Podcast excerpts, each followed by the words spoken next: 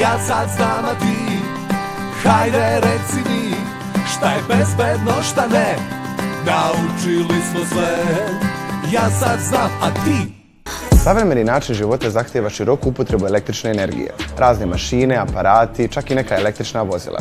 Struja nam je donijela mnogo blagodeti u život, ali ona može i da ga ugrozi.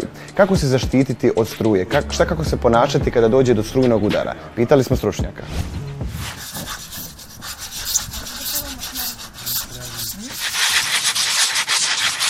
Novu frizuru? Opet si fenirala danas. Ma pusti, opet sam se posvađala s mamom oko feniranja u kupatu. Kakve veze to ima? Tamo je to najbolje raditi. Ma stalno me opominje oko st- opasnosti od struje. Kao da bi meni moglo nešto se desi. Ja se jako bojim struje. Ma čega se bojiš? Tu je osigurač. Da je nešto loše iskočila bi. Mama mi stalno govori da li su, jesu li mi suve ruke, mokre noge. Ja se bojim struje od kako sam videla svog komšiju kojeg je odbaciva struja. Nismo znali kako da mu pomognemo. Strašno. Ej, idem ja po vodu ako hoćete napravimo sok. Može. Evo.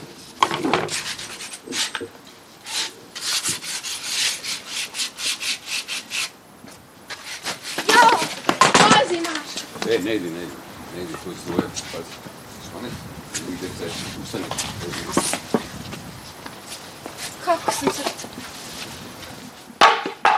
Na metar i po dva ne smete stati bez izolacije.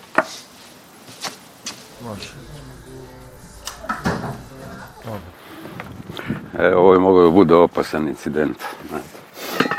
Znači, ovo je bilo pod naponom.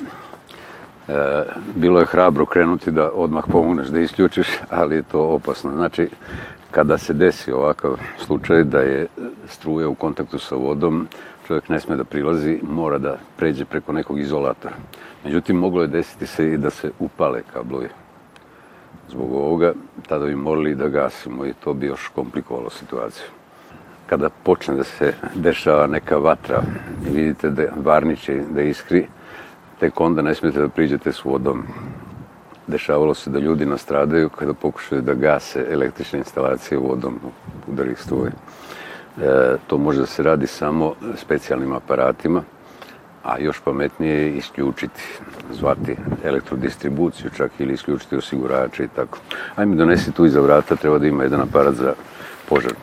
U svakoj kući stoje neki aparati i mi obično ne obraćamo pažnju, čak ni odrasli ne gledaju. Međutim, pročitajte jednom i vidjet ćete, ovdje tačno piše da ovo može da posluži za gašenje i električnih požara. Rukuje se vrlo jednostavno, može i dete da rukuje, mada ne preporučujem da se deca mešaju u gašenja požara. Bolje da čuvaju glavu. Gde i kako najčešće dolazi do udara struje?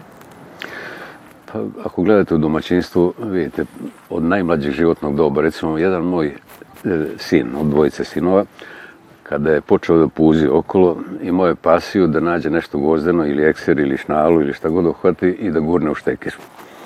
I kad god ga ne gledaš, on puzi i pokušava nešto da tamo posluje. To je bilo strahovito opasno, ali postoje štitnici za štekir. E, svake godine poneko pogine zato što mu padne na pamet da fenira kosu u kadi, valjda da uštedi vreme, pa slučajno ispusti.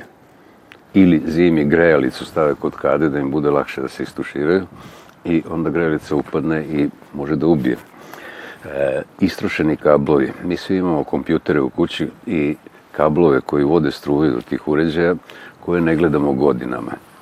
To bi trebalo stručnjak da pogleda povremeno. Zašto osoba koja je udarila struja stiska kabel i posle udara? Pa ja sam svoje vremeno slušao od starih električara da uvek, ako ne znaju da li je nešto pod naponom, oni pipaju ovako jer će doći do grča prstiju. O čemu se radi? Struja kada ulazi u telo, ona pravi opekotinu, ulazno, prolazi kroz telo i izaziva prosto kuvanje tkiva nekih, znači koagulaciju belančevina i dolazi do grča mišića i zbog toga on stegne kabel i ne može da ga pusti uopšte. Šta treba da uradimo kada vidimo da je neku osobu prodrmala struja? Jako je važno da sačuvate sebi bezbednost, jer ako i vi pritrčite i vas će udariti struje i ostaćete bespomoćni.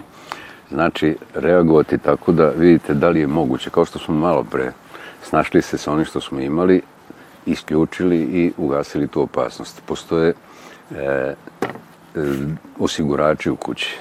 Ukućani treba da znaju gde je glavni osigurač, gde može da se isključi struje, jer u svakodnevnici može da se desi ovakav incident nekad. Dakle, isključuje se struja, znači prosto e, u takvoj situaciji prvo se sačuvate, onda otklonite opasnost i posle toga ukazujete sve one mere prve pomoći koje prosto situacija nalaže da se primene. Ne pokušavajte sami da radite bilo kakav posao vezan za elektriku. Prepustite to električaru. Električne aparate ne koristite u blizini vode, ni mokrim rukama. Oštećene kablove ili neispravne aparate ne dodirujte golom rukom i ne pokušavajte sami da ih popravite, već odnesite električaru. U blizini utičnica ne približavati metalne predmete, niti držati posude s tečnim napicima. Ukoliko je došlo do udara struje, povređenu osobu ne dodirivati golim rukama. Ukoliko nema druge osobe u blizini da pruži pomoć, naći neki drveni ili gumeni štap i odvojiti povređenog od izvora struje. Nikako golom rukom. Izvaditi utikač, isključiti osigurač, drvetom prekinuti provodnik, ali ne golim rukama, već gumenim debelim rukavicama ili uviti ruke suvim tekstilom i to obilno i tako uhvatiti provodnik. Kod visokih napona držite se barem na 10 metara udaljenosti dok se ne osigura isključenje napona. Nemojte postati druga žrtva. Odmah pozvati stručnu pomoć. Zdravlje je ipak važnije od igre. Ništa ne pokušavajte sami, uvijek pitajte starije i o oprezu naučite i mlađe od sebe.